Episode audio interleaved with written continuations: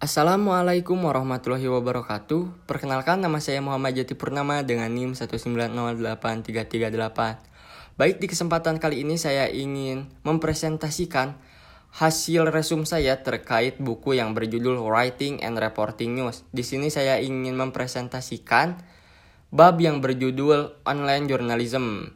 Nah, di sini dijelaskan mengenai Mojo. Mojo adalah mobile journalism atau jurnalis seluler yang dilengkapi dengan notes, kamera, perekam, ponsel, dan komputer, sehingga mereka dapat mengajukan berita dalam waktu yang singkat.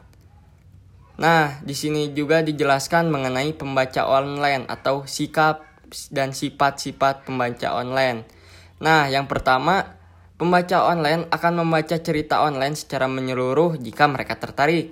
Nah, yang kedua, pembaca online atau pembaca cetak online jarang membaca cerita sampai akhir, tapi membaca online lebih membaca cerita di web daripada pembaca cetak.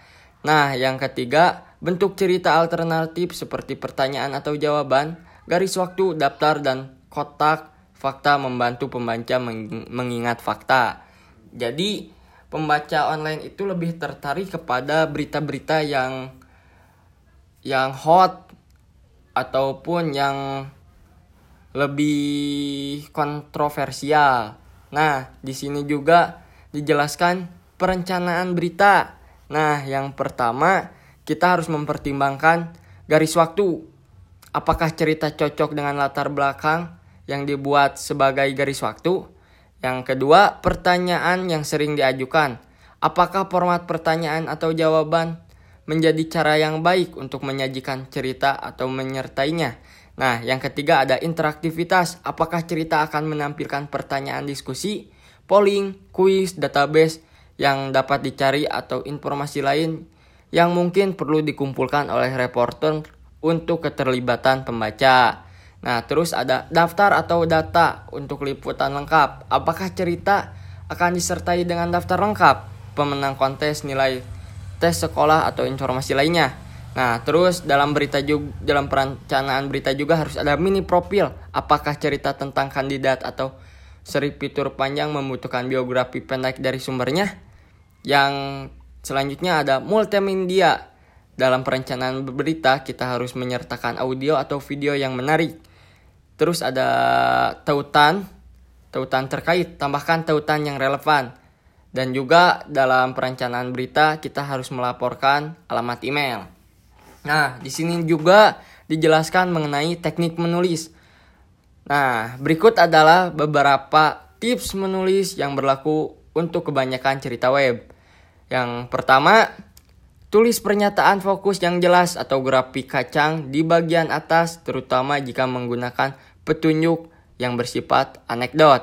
Yang kedua, tulis kalimat pendek dan sederhana. Yang ketiga, gunakan daftar berpoin untuk membantu pembaca memindai teks saat cerita cocok untuk informasi yang diperinci. Yang keempat, batasi setiap paragraf menjadi satu ide. Yang kelima, menulis dengan suara aktif. Siapa melakukan apa daripada apa yang dilakukan kepada siapa. Yang keenam, Hindari nama belakang hanya pada referensi kedua di layar atau halaman web berikutnya. Yang selanjutnya, buat paragraf pendek. Dan yang selanjutnya, gunakan gaya percakapan yang mudah untuk dipahami atau bahasa-bahasa yang komunikatif. Nah, di sini juga dijelaskan mengenai berita utama, uraian singkat, dan ringkasan. Nah, uraian Mayoritas situs berita hanya mengulang judul berita untuk uraian di bawah judul. Tidak masalah jika itu adalah ringkasan. Namun jika prospek tidak memberikan poin utama dan cerita, tulis ringkasan yang jelas atau gunakan grafik singkat sebagai uraian singkat. Nah, kiat uraian, tulis ringkasan yang jelas jika prospek kreatif, pilih grafik kacang sebagai ringkasan-ringkasan. Judul, hindari menulis ringkasan yang mengulangi judul. Kalimat pertama dalam uraian ini terlalu berulang. Jadi dalam judul itu jangan diselipkan terlalu banyak uraian-uraian. E, yang baiknya gunakan judul-judul yang kontroversial agar dapat menarik pembaca. Nah, di sini juga dijelaskan mengenai uraian singkat. Uraian biasanya berupa beberapa kalimat singkat bisa berupa beberapa paragraf, uraian singkat dapat berdiri sendiri sebagai pengganti cerita, sedangkan uraian dimaksudkan untuk menarik pembaca untuk membaca lebih lanjut. Nah, adapun sorotan singkat. Nah, alat lain yang berfungsi sebagai ringkasan cepat untuk pembaca web yang merupakan pemindai atau atau kotak sorotan di atas cerita, misalnya CNN menduduki pusat berita webnya dengan daftar poin-poin utama dalam sebuah cerita. Nah, seperti contohnya sorotan singkat yang biasa dilihat oleh pembaca itu yaitu struktur cerita. Jika struktur ceritanya menarik atau baik, maka dapat menarik para pembaca. Nah, terus piramida terbalik. Terus ada format pertanyaan. Nah, format pertanyaan ini dapat membuat para pembaca tertarik dan juga mengingat berita kita. Terus format mendongeng, penulis naratif juga bisa menarik di web. Terus mendongeng pribadi dan juga merevisi. Nah, mungkin segitu saja eh, presentasi dari saya. Nah, di sini saya ingin bertanya mengenai apa sih mojo itu dan kapan mojo atau konsep mojo dimulai.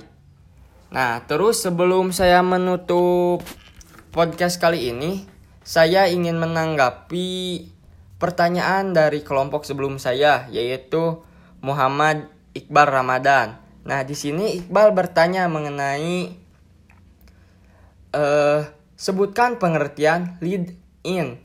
Nah, untuk Iqbal ya, LinkedIn adalah penyiar membacakan petunjuk menjadi paket oleh reporter. Pengarahan harus memberikan inti cerita dan terkadang konteks bagaimana hal itu terjadi. Nah, mungkin itu bal yang dapat saya jawab. Mohon maaf apabila ada kekurangan. Wabillahi taufiq wal hidayah. Wassalamualaikum warahmatullahi wabarakatuh.